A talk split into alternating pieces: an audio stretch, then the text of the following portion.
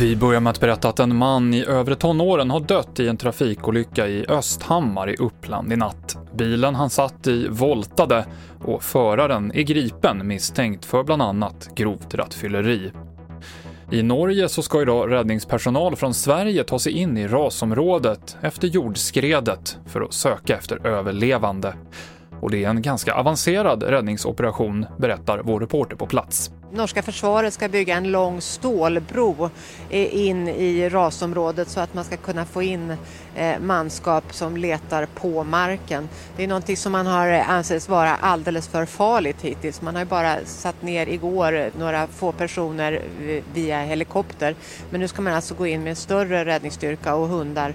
Det sa TV4s reporter Elisabeth Frerot. Mer om jordskredet i Norge på tv4.se.